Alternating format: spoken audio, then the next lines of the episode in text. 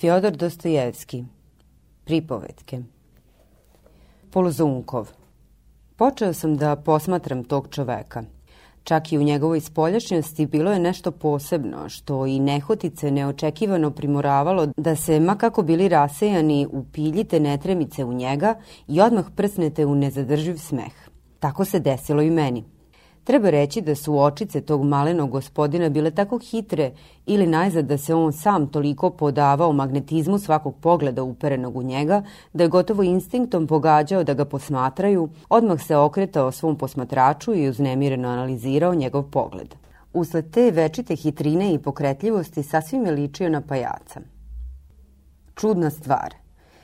Kao da se bojao podsmeha, a u stvari hleb je gotovo zarađivao time što je bio sveopšti klovn i pokorno je podmetao svoju glavu pod svoje zvrčke u moralnom i čak u fizičkom smislu, već prema tome u kakvom se društvu nalazio. Dobrovodni klovnovi nisu čak ni jadni, ali ja sam odmah primetio da ovo čudno stvorenje, ovaj smešni čovečuljak, uopšte nije bio klovn po profesiji. U njemu se očuvalo još po nešto plemenito – Njegov nemir, njegova večita i bolna bojazan za sebe već su govorili u njegovu korist. Učinilo mi se da je sva njegova želja da nekoga usluži dolazila pre od dobrog srca nego radi materijalne koristi. On je sa zadovoljstvom dozvoljavao da mu se smeju na sav glas i na najbezobrazniji način, u oči, ali istovremeno kunem se njega je srce bolelo i cepalo se od pomisli da su njegovi slušaoci tako nečovečno, nemilosrdni i sposobni da ismejavaju ne činjenicu, već njega, celo njegovo biće, njegovo srce, glavu, izgled, njegovo telo i dušu. Uveren sam da je u takvim trenucima osjećao svu glupost svog položaja, ali protest je odmah zamirao u njegovim grudima, iako se uvek velikodušno rađao. Ubeđen sam da se sve ovo dešavalo samo zbog njegovog dobrog srca, a ne iz straha od materijalne štete. Da ne bude isteran ćuškama ili da ne uzajmi od nekog novac. Taj gospodin je večito uzajemljivao novac, to jest tražio je na taj način milostinju. Pošto bi svojim grimasama do mile volje nasmejao druge na svoj račun, osjećao je da na izvestan način ima pravo da uzajmi. Ali, Bože moj, kakvo je to bilo uzemljivanje i kako je izgledao dok je tražio zajam. Nisam mogao zamisliti da se na tako malom prostoru kao što je bilo naborano ćoškasto lice tog čovečuljka može smestiti istovremeno toliko raznolikih grimasa, toliko čudnih i raznorodnih osjećanja i toliko ubistvenih utisaka. Čega samo tu nije bilo – i stid i lažna drskost i ljutina sa iznenadnim rumenilom na licu i gnev i strah od neuspeha i molba za oproštaj što se usudio da uznemirava i svest o ličnom dostojanstvu i krajnje saznanje ličnog ništavila. Sve je to kao munje preletalo preko njegovog lica. Čitavih šest godina mučio se tako ovaj čovek na belom svetu i ni do danas nije izgradio svoj stav, bar u važnom trenutku pozemljivanja novca, Razume se, on nikada nije mogao postati potpuno bezosjećajan, a još manje podao. Njegovo srce bilo je za to suviše vatreno i nespokojno. Čak ću reći i više. Po mom mišljenju, to je bio veoma pošten i redko plemenit čovek na ovom svetu, ali sa jednom malom slabošću, da učini podlos na prvu zapovest, i to dobrodušno i nekoristoljubivo, samo da ugodi bližnjem. Jednom rečju, on je bio ono što se zove pravi čovek krpa. Najsmešnije je bilo to što je bio odeven gotovo kao i ostali, ni bolje ni gore. Čist i čak donekle doteran sa izvesnim pretenzijama na ozbiljnost i lično dostojanstvo. Ta spoljašnja jednakost i unutrašnja nejednakost, ta briga za sebe, a u isto vreme i neprekidno ponižavanje, sve to stvaralo poražavajući kontrast i bilo dostojno i smeha i sažaljenja. Da je on bio u duši ubeđen, što mu se bez obzira na iskustvo svakog časa događalo, da su svi njegovi slušaoci najbolji ljudi na svetu koji se smeju samo smešnoj činjenici, a ne njegovoj propaloj ličnosti, on bi se zadovoljstvom skinuo frak, obukao ga naopako i tako ukrašen pošao ulicama da drugima ugodi i sebe nasladi, samo da nasmeje svoje pokrovitelje i da im pričini zadovoljstvo. Ali jednakost sa ljudima nikako i ničim nije mogao da dostigne. Još jedna crta – Ovaj čudak je bio samoljubiv i ponekad, ako samo nije pretila neka opasnost, čak i velikodušan. Trebalo je videti i čuti kako je umeo da izriba ponekad ne žaleći sebe, a to znači rizikujući i čak hrabro, ponekog od svojih pokrovitelja koji ga je do besa naljutio. Ali to je bilo samo u izvesnim trenucima. Jednom reči, on je bio mučenik u punom smislu reči, ali najnekorisniji i prema tome najsmešniji mučenik. Među gostima je počela opšta prepirka. I odjednom sam ugledao kako moj čudak skače na stolicu i viče i sve snage da samo njemu izuzetno dadu reč. Slušajte, šapnuo mi je domaćin. On ponekad priča veoma zanimljive stvari. Da li vas on interesuje? Ja sam klimnuo glavom i ugurao se u masu. I doista, izgled pristojno odevenog gospodina koji je skočio na stolicu i vikao na sav glas, pobudio je sveopštu pažnju. Mnogi koji čudaka nisu poznavali, pogledali su jedni drugi sa nedoumicom, a neki su se smejali grohotom. Ja poznajem Feodosija Nikolajevića. Ja bolje od svih vas poznajem Feodosija Nikolajevića, vikao je čudak sa svog uzvišenja. Gospodo, dozvolite mi da ispričam. Ja ću vam lepo ispričati o Feodosiju Nikolajeviću. Znam jedan slučaj, prosto divota. Ispričajte Osipe Mihajloviću, ispričajte. Pričaj. Slušajte onda. Slušajte, slušajte. Ja počinjem, samo gospodo, to je izuzetna priča. Dobro, dobro, to je komična priča. Vrlo dobro, odlično, divno, pređena stvar. To je epizoda iz ličnog života vašeg pokornog. Zašto ste se onda trudili i izjavljivali da je priča komična? I čak donekle tragična? A? Jednom reči ta priča koja će vam pružiti sreću da me slušate sada, gospodo, ta priča radi koje sam se našao u ovako za mene interesantnom društvu, bez kalambura. Ta priča, jednom reči taj slučaj, završavajte već jednom tu poučnu priču, taj događaj koji nešto vredi. Dodao je promuklim glasom neki plavokos mladice brkovima, zavukao ruku u džep svog kaputa i tobože nehotice izvukao otuda novčanik umesto maramice. To je događaj, gospodo moja, posle koga bih ja želeo da vidim mnoge od vas na mom mestu. I najzad, to je događaj zbog kojeg se nisam oženio. Oženio? Žena? Polzunkov je hteo da se ženi.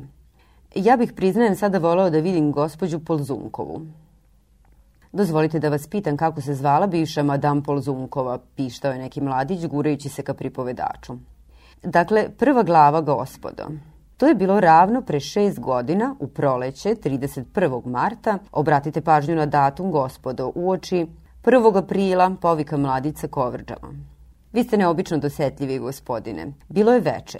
Nad Creskim mestom H zgušnjavao se suton, mesec je hteo da izgreje i sve ostalo što sleduje. I tako, u kasni suton, ja sam krišom isplovio iz svoje sobice, pošto sam se oprostio sa svojom nekomunikativnom pokojnom bakom. Izvinite gospodo što upotrebljavam ovako modern izraz koji sam čuo prilikom poslednje posete Nikolaju Nikolajeviću. Ali moja baka je bila sasvim nekomunikativna. Bila je slepa, nema, gluva, glupa, sve što hoćete. Priznajem, drhtao sam jer sam se spremao na veliki korak. Srce mi je kucalo kao mačetu kad ga nečija koščata ruka zgrabi za vrat. Dozvolite, gospodine Polzunkov. Šta želite? Pričajte jednostavnije, molim vas, ne trudite se previše. Razumem, gospodine, reče malo zbunjeni Osip Mihajlović. Ušao sam u kuću Feodosija Nikolajevića, koji je lako stekao. Feodosije Nikolajević, kao što znate, nije mi bio kolega, već pravi starešina. Prijavili su me i odmah uveli u kabinet, kao da sada gledam. Sasvim gotovo, sasvim mračna soba, a sveće ne pale. Vidim ulazi Feodosije Nikolajević. I tako smo nas dvojica ostali u tami. I šta se desilo među vama, upita jedan oficir. A šta vi mislite, upita Polzunkov sa grčem na licu i hitro se okrenu mladiću u kovrčama. I dakle, gospodo, tada se desila jedna čudna stvar – Zapravo ničeg čudnog tu nije bilo, već ono što se kaže svakodnevna stvar, ja sam iz džepa jednostavno izvukao svežanj, a on iz svog džepa svežanj, samo državnih. U banknotama? U banknotama i razmeni smo ih.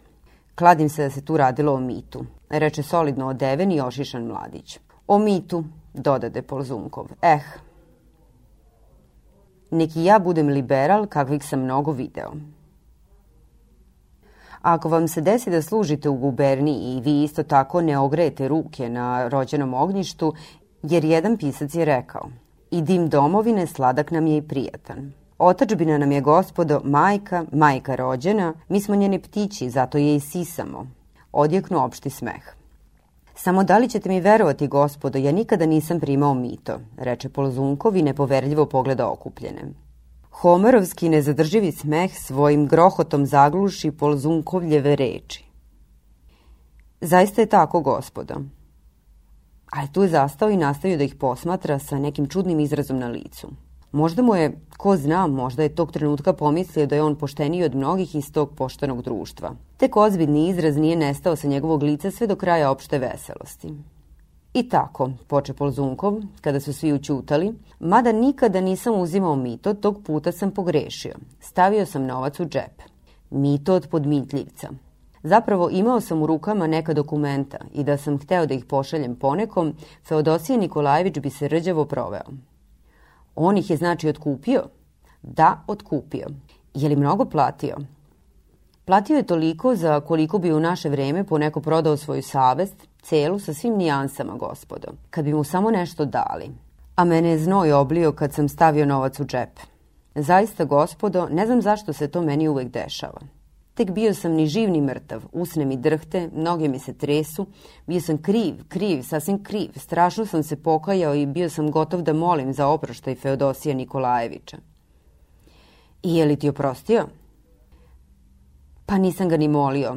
Ja samo tako kažem da sam se tada tako osjećao, to jest ja imam vatreno srce. Vidim gleda mi pravo u oči. Boga se ne bojite, Osipe Mihajloviću, kaže on. Šta da radim? Iz pristojnosti sam raširio ruke i okrenuo glavu u stranu. A zbog čega savesti nemam, Feodosije Nikolajević, kažem ja. Istina, rekao sam to reda radi, a u stvari hoću u zemlju da propadnem. Bio si tako dugo prijatelj naše porodice. Bio si, mogu reći, kao sin. I ko zna šta nam je nebo pripremalo Osipe Mihajloviću. I odjednom dostavu spremate. Dostavu, eto ti sad. Šta posle toga da misli čovek o ljudima Osipe Mihajloviću? I kako mi je gospodo, kako mi je držao pridiku. Dede kaže, recite mi šta da posle ovoga mislim o ljudima Osipe Mihajloviću. Šta ima da se misli, mislim ja, a već me u grlu znate nešto steglo i glas mi drhti, predosjećam svoju odvratnu narav i uzimam šešir. Takuda ćete Osipe Mihajloviću? Zar ćete i u oči takvog dana, je li moguće da i sada zlopamtite? Šta sam ja to pred vama zgrešio? Feodosije Nikolajeviću, kažem ja, Feodosije Nikolajeviću. To jest, rastopio sam se, gospodo, kao mokra šećerlema sam se rastopio. I te kako?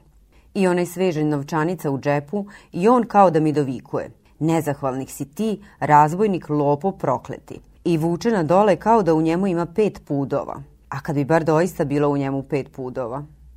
Vidim, kaže Feodosije Nikolajević, vidim vaše kajanje. Znate li, sutra je Ognjena Marija.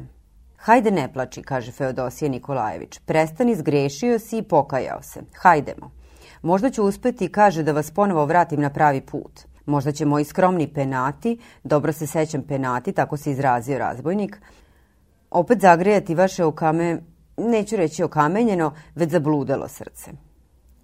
Uzeo me za ruku gospodo i poveo svojoj porodici. Meni žmarci po leđima prolaze drhtim. Mislim kako će im izaći na oči. A treba da znate, gospodo, kako da vam kažem, tu je bila tugaljiva stvar. Da nije gospođa Polzunkova? Marija Feodosijevna. Samo nije bilo suđeno. Znači da postane ta gospođa, kako je vi nazivate, nije dočekala tu čast. Feodosije Nikolajević je, znate, imao pravo kada je govorio da su me u porodici gotovo za sina smatrali. Tako i bilo pre pola godine dok je još bio živ demobilisani junker Mihajlo Maksimović Dvigajlov po imenu. Samo je on voljom Božijom umro, a stalno je otezao da napiše testament. I desilo se tako da testament kasnije nisu ni našli, kad je on otegao.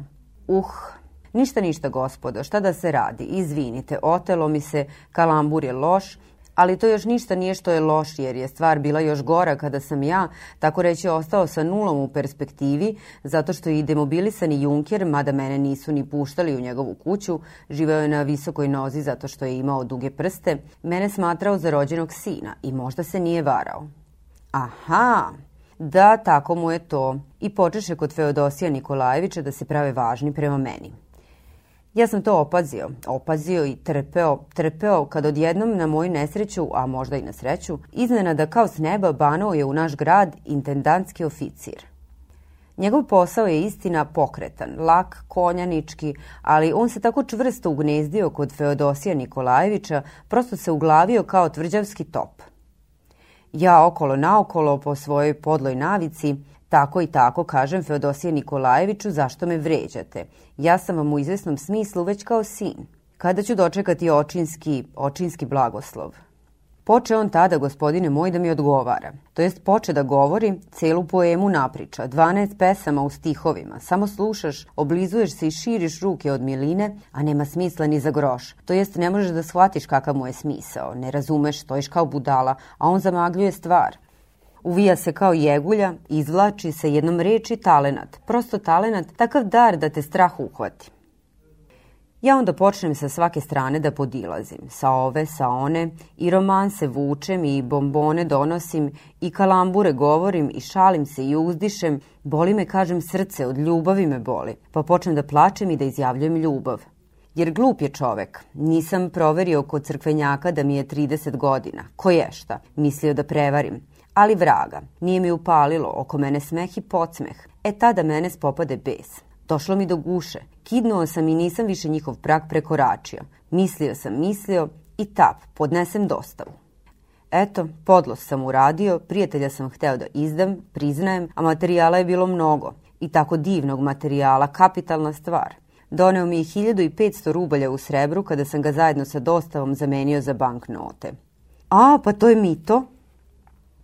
Da, gospodine, to je bilo mito, platio mi je podmitljivac. To i nije greh, zaista nije. A sada ću da nastavim. Dovukao me, ako se sećate, u salon za čajni živan i mrtva. Dočekali su me svi nekako uvređeni i ne samo uvređeni, već tako zlojeđeni da prosto jednom reči utučeni, sasvim utučeni, ali istovremeno im lice sijaju i nekom dostojanstvenom važnošću, ozbiljnost u pogledima, nešto tako očinsko, rodbinsko. Vratio nam se bludni sin. Eto šta su mislili. Posadili su me da pijem čaj, uzalud, jer meni kao da se samovar u grudima zaglavio, vri u meni, a noge mi se sledile. Uplašio sam se, zgrčio se. Marija Fominišna, supruga Feodosija Nikolajevića, državna savetnikovica, a sada koleška, odmah mi je počela govoriti ti. Zašto si, dragi moj, tako oslabio, kaže. Pa eto nešto poboleva Marija Fominišna, a glasić mi drhti. A ona meni ni pet ni šest odbrusi pa kosmica jedna. Pa vidi se kaže da ti savest nije prema duši merena, Osepe Mihajloviću, rode moj. Hleb i so naša, kaže rodbinska, progovorila je. Ispaštaš znači za moje gorke suze. Tako mi Boga tako je kazala, na savest mi udarila. Ali nije tu ništa, od nje se i gore moglo očekivati opasna žena. Sedi tako i samo čaj naliva. A ti bi, mislim, draga moja, na pijaci sve prodavačice nadvikala. Eto kakva je bila naša savetnikovica. I tada se, na moju sreću, pojavi Marija Feodosijevna, čerka sa svim svojim nevinostima i malko bleda, oči joj crvene kao od suza, i ja sam kao budala tada i propao a pokazalo se kasnije da je za intendantom suze ronila. On je klisnuo, umakao dok je živ i zdrav, zato što mu je, znate, sad mi je uz reč došlo da kažem, vreme bilo da otputuje. Rok mu je istekao. U stvari, nije mu bio službeni rok istekao, nego onako. Kasnije su se mili roditelji prisetili, saznali celu pozadinu, ali šta su mogli, prikrili su tiho svoju bruku i muku, priraštaju kući. I sad nisam imao kud. Kad sam je ugledao, prosto sam propao, poginuo. Pogledom sam potražio šešir, hteo sam da ga zgrabim i da što pre kidnem, ali nisam mogao. Odneli su mi šešir. Ja sam, priznajem, i bez šešira hteo, ali vraga. Vrata su zatvorili. Počeli su prijateljski osmesi, namigivanje i udvaranje. Ja sam se zbunio i nešto odvalio, počeo da lupetam od ljubavi. A ona, draga moja, sede za klavir i uvređenim glasom otpeva husara koji se na sablju naslonio. Ah, smrti moja! E pa, kaže Feodosije Nikolajević, sve smo zaboravili, dođi, dođi mi u zagrljaj. I ja mu odmah zagnjurim lice u prsluk. Dobrotvore moj, oče moj rođeni, kažem i obliju me vrele suze. Gospode Bože moj, šta je tada nastalo? On plače, njegova žena plače, Mašenjka plače. Bila je tu i neka upadljivo plava devojka i ona plače. I ne samo oni, iz svih kutova su izmilela dečica, blagoslovio ga Bog porodom, i ona plaču. Koliko suza, ushićenje, takva radost, bludnog sina našli kao da se vojnik vratio u zavičaj. Iznali su posluženje, počeli da igraju fote. Oh, boli me, šta te boli? Srce? Za kim? Ona rumeni, draga moja. Starac i ja pili smo punča jednom reči i dočekali su me i ugostili, ne može bolje biti. Vratio sam se bakim. Sve mi se vrtelo u glavi, celim putem sam se smeškao, kod kuće sam čitava dva sata po sobici hodao, staricu probudio i celo je sreću svoju ispričao. A je li ti novaca dao razbojnik? Dao je bako, dao je draga moja, dao, ne mogu u sobu da stanu, vrata otvaraj. E pa sada se ženi, vreme ti je, ženi se. Govori mi starica, znači uslišio je Bog moje molitve. Probudio sam Sofrona. Sofrone, kažem mu, skidaj čizme. Sofron poče da mi skida čizme. A sad Sofroša čestitaj mi, poljubi me. Ženim se, brate, prosto se ženim, sutra se napi do mile volje, veseli se, kažem. Tvoj gospodin se ženi. Srce mi se veseli i igra. Počeo je san da me hvata, ali opet sam ustao, seo i mislio. I odjednom mi sinu u svesti. Sutra je 1. april, tako radostan dan, dan šala, kako bi bilo. I smislio sam. I znate šta, gospodo moja, ustao sam sa postelje, sveću upalio i onako neodeven seo za pisaći sto, to jest sasvim sam se raspalio. Zaneo se, znate, gospodo, kada se čovek raspali. Glavačke sam, braćo moja, srljao u blato.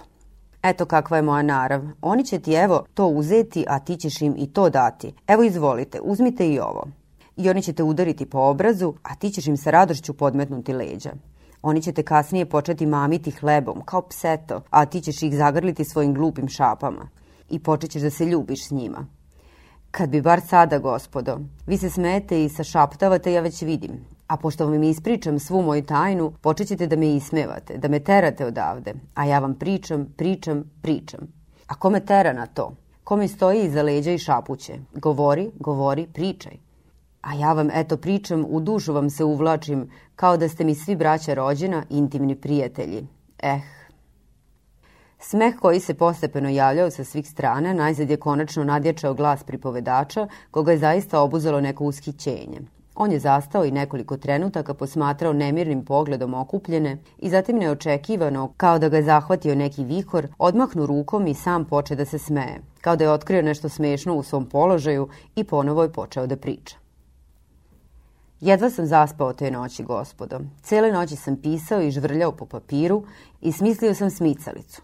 Eh, gospodo, kad se samo setim, stid me je. Moglo bi se oprostiti što sam noću smislio, onako podnapit, pogrešio, nalupetao gluposti, nalagao, ali ne.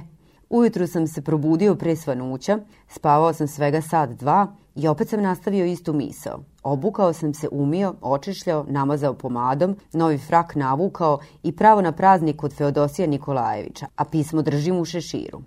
On me lično dočekao raširenih ruku i opet me poziva da naslonim glavu na roditeljski prsluk. Ja sam se uozbiljio, u glavi mi kolaju jučerašnje misli. Uzmakao sam korak. A ne, kažem Feodosije Nikolajeviću, nego evo, izvolite, pročitajte ovo pismo. I pružam ga sa raportom. A u raportu znate li šta je bilo?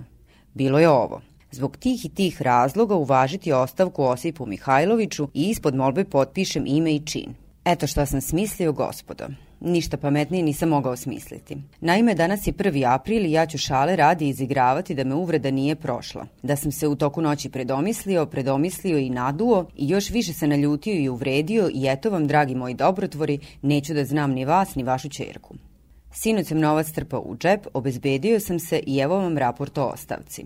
Neću da služim kod takvog starešine kao što je Feodosije Nikolajević. Hoću u drugu službu i možda ću podneti dostavu. Takvog sam podlaca izigravao, mislio sam da ih uplašim. A? Je li dobro, gospodo? To jest, tako mi je od juče srce za njih prionulo, pa hajde da im priredim porodičnu šalu, da se našalim sa roditeljskim srcem Feodosija Nikolajevića. Čim je uzeo moj raport i otvorio ga, vidim sav se promenio u licu. Šta je ovo, Osipe Mihajloviću? A ja kao budala, 1. april, čestitam vam praznik Feodosije Nikolajeviću. To jest postupio sam sasvim kao dečak koji se sakrio neopaženo iza bakine fotelje, a zatim i sve glasa njoj u uvo bu, mislio da je uplašim. Da, gospodo, prosto me stid da pričam. Ne, neću da pričam. A ne, šta je bilo dalje? Ne, ne, pričajte, ta pričajte, začulo se sa svih strana. Počeše gospoda moja priče i prekori i uzvici čuđenja te kakav sam nestaško, te šaljivđija, te kako sam ih preplašio, ali sve tako umiljato da sam se postideo. Stojim tako i sa strahom mislim, kako ovakvog grešnika može držati tako sveto mesto? Ah, dragi moj, zapita Svetkovnica, tako si me uplašio da mi i sad noge drhte, jedva stojim. Kao luda sam pojurila Maši. Mašenjka kažem joj, šta će sada biti s nama? Vidi kakav je onaj tvoj ispao. Pogrešila sam, dragi, oprosti meni staroj, obrukala sam se. Mislila sam, eto, kad je sinoć otišao od nas i došao kući kasno, počeo da razmišlja i možda mu se učinilo da smo juče namerno obletali oko njega, hteli da ga premamimo, prosto sam obomrla. Dosta Mašenka, nemoj mi namigivati. Nama Osip Mihajlović nije tuđin, a ja sam tvoja mati i ništa loše neću reći. Hvala Bogu, ne živim na ovom svetu 20, već punih 45 godina. Šta da vam kažem, gospodo, za malo što nisam pao na kolena pred njom. Opet su potekle suze i počelo ljubljenje. Počeše i šale. I Feodosije Nikolajević je za 1. april smislio šalu. Kaže doletela žar ptice sa briljanskim kljunom i u kljunu donela pismo. I on je hteo da prevari kakav je smeh nastao, kakvo ushićenje, fuj, prosto me stid da pričam. Pa eto, milostiva moja gospodo, to vam je sva priča. Poživeli smo tako dan, drugi, treći, celu nedelju smo poživeli. Ja sam već pravi verenik. Nego kako? Naručili smo burme, dan odredili, samo ne žele da oglase veritbu za neko vreme, čekaju revizora. Čekam ja revizora, ne mogu dočekati, zbog njega je moja sreća zapela. Mislim samo da ga što pre skinemo s vrata. A Feodosije Nikolajević neprimetno, u atmosferi radosti, sve poslove svalio na mene račune, izveštaje da pišem, knjige da proveravam, da uradim završne račune. Vidim strašan nered, sve zapušteno, svuda nameštaljke i smicalice. Hajde mislim potrudit ću se za dragog tasta. A on stalno poboleva, bolest ga spopala i vidi se da mu je svakog dana sve gore. A i ja sam se osušio kao vejka, noćima ne spavam, bojim se da se ne srušim. Ipak sam posao odlično završio. Spasao sam ga na vreme. Odjednom šalju po mene glasnika. Brže kažu, Feodosiju Nikolajeviću je pozlilo. Potrčao sam kao bez duše, šta je? Vidim sedi moj Feodosije Nikolajević umotane glave, oblogo cirćeta stavio, mršti se ječi, stenje. Jao, jao, dragi moj, mili ti moj, kaže, umreću i kome ću vas ostaviti, ptići moji? Žena i deca došli, Mašenka poče da plače, pa i ja sam zacmizrio. Ali ne, kaže on, Bog će se smilovati, neće vas kazniti za moje grehove. Tada je svima kazao da izađu, naredio mi da za njima zatvorim vrata i ostali smo nas dvojica, u četiri oka. Imam jednu molbu. Kakvu? Tako i tako, brate, ni na samrtnoj postelji nemam mira, novac mi je neophodno potreban. Kako to? Mene tada obli rumen i jezik mi se ukoči. Pa tako, brate, morao sam od svog novca u državnu kasu da doplatim. Ja, brate, za opštu korist ništa ne žalim, ni život svoj ne žalim. Ti nemoj da misliš nešto loše. Meni je teško što su me klevetnici pred tobom ocrnili. Ti si bio u zabludi, a meni je od tada glava od brige pobelela.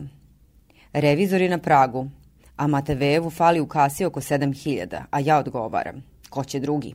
Mene će uzeti na odgovornost, što nisam pazio. A šta će uzeti od Matvejeva, Njemu je onako dosta. Zašto da ga jadnika upropašćujem? Sveti ugodnici mislim evo pravednika, kakva dobra duša, a on meni, a od čerkinog novca, od onog što smo je dali u miraz, neću da uzimam. To je svetinja.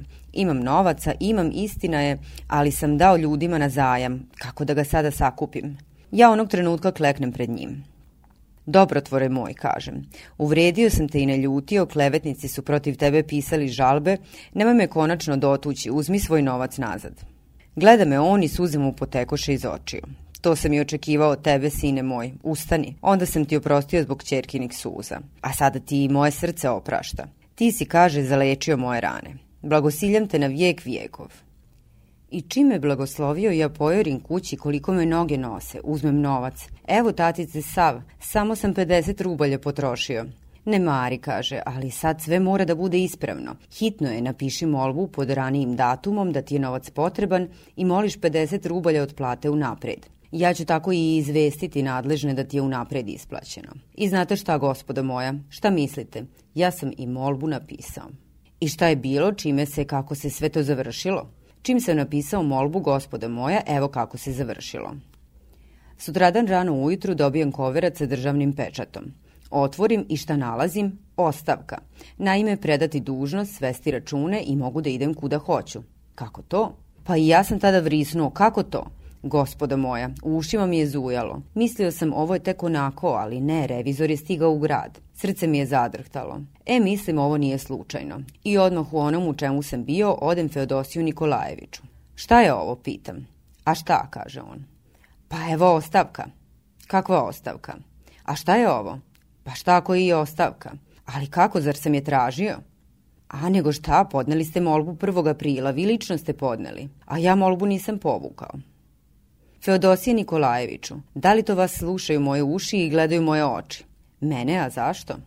Gospode Bože moj, žao mi je gospodine, veoma mi je žao što ste tako rano odlučili da napustite službu. Mlad čovek treba da služi, a vama je vetar udario u glavu. A što se tiče karakteristike, ništa ne brinite, ja ću se postarati. Vi uvek sebe lepo preporučujete. Ali ja sam se tada šalio Feodosije Nikolajeviću, ja nisam hteo, tek onako sam podneo molbu radi vašeg roditeljskog, eto. Šta je to, kakva šala, gospodine? Zar se može šaliti sa takvim dokumentima? Vas će za takve šale jednom u Sibir otarati. A sada doviđenja, nemam vremena. Revizor nam je došao, a službene obaveze su preče od svega. Vi možete da dan gubite, a mi moramo da obavljamo poslove. A vas ću već kako treba preporučiti.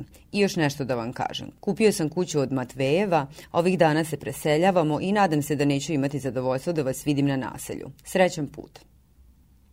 Ja pojurim kući koliko me noge nose. Bako, propali smo.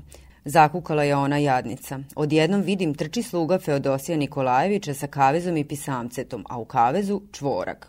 Tu sam ja u zanosu osjećanja Maši poklonio čvorka obučenog da govori. A u ceduljici je pisalo 1. april i ništa više. Eto gospodo šta je bilo, šta mislite o tome? I šta je, šta je bilo dalje? Šta bi bilo dalje? Sreo sam jednom Feodosija Nikolajevića i hteo sam u oči da mu kažem da je podlac. I Pa nekako, gospodo, nisam mogao da izgovorim tu reč.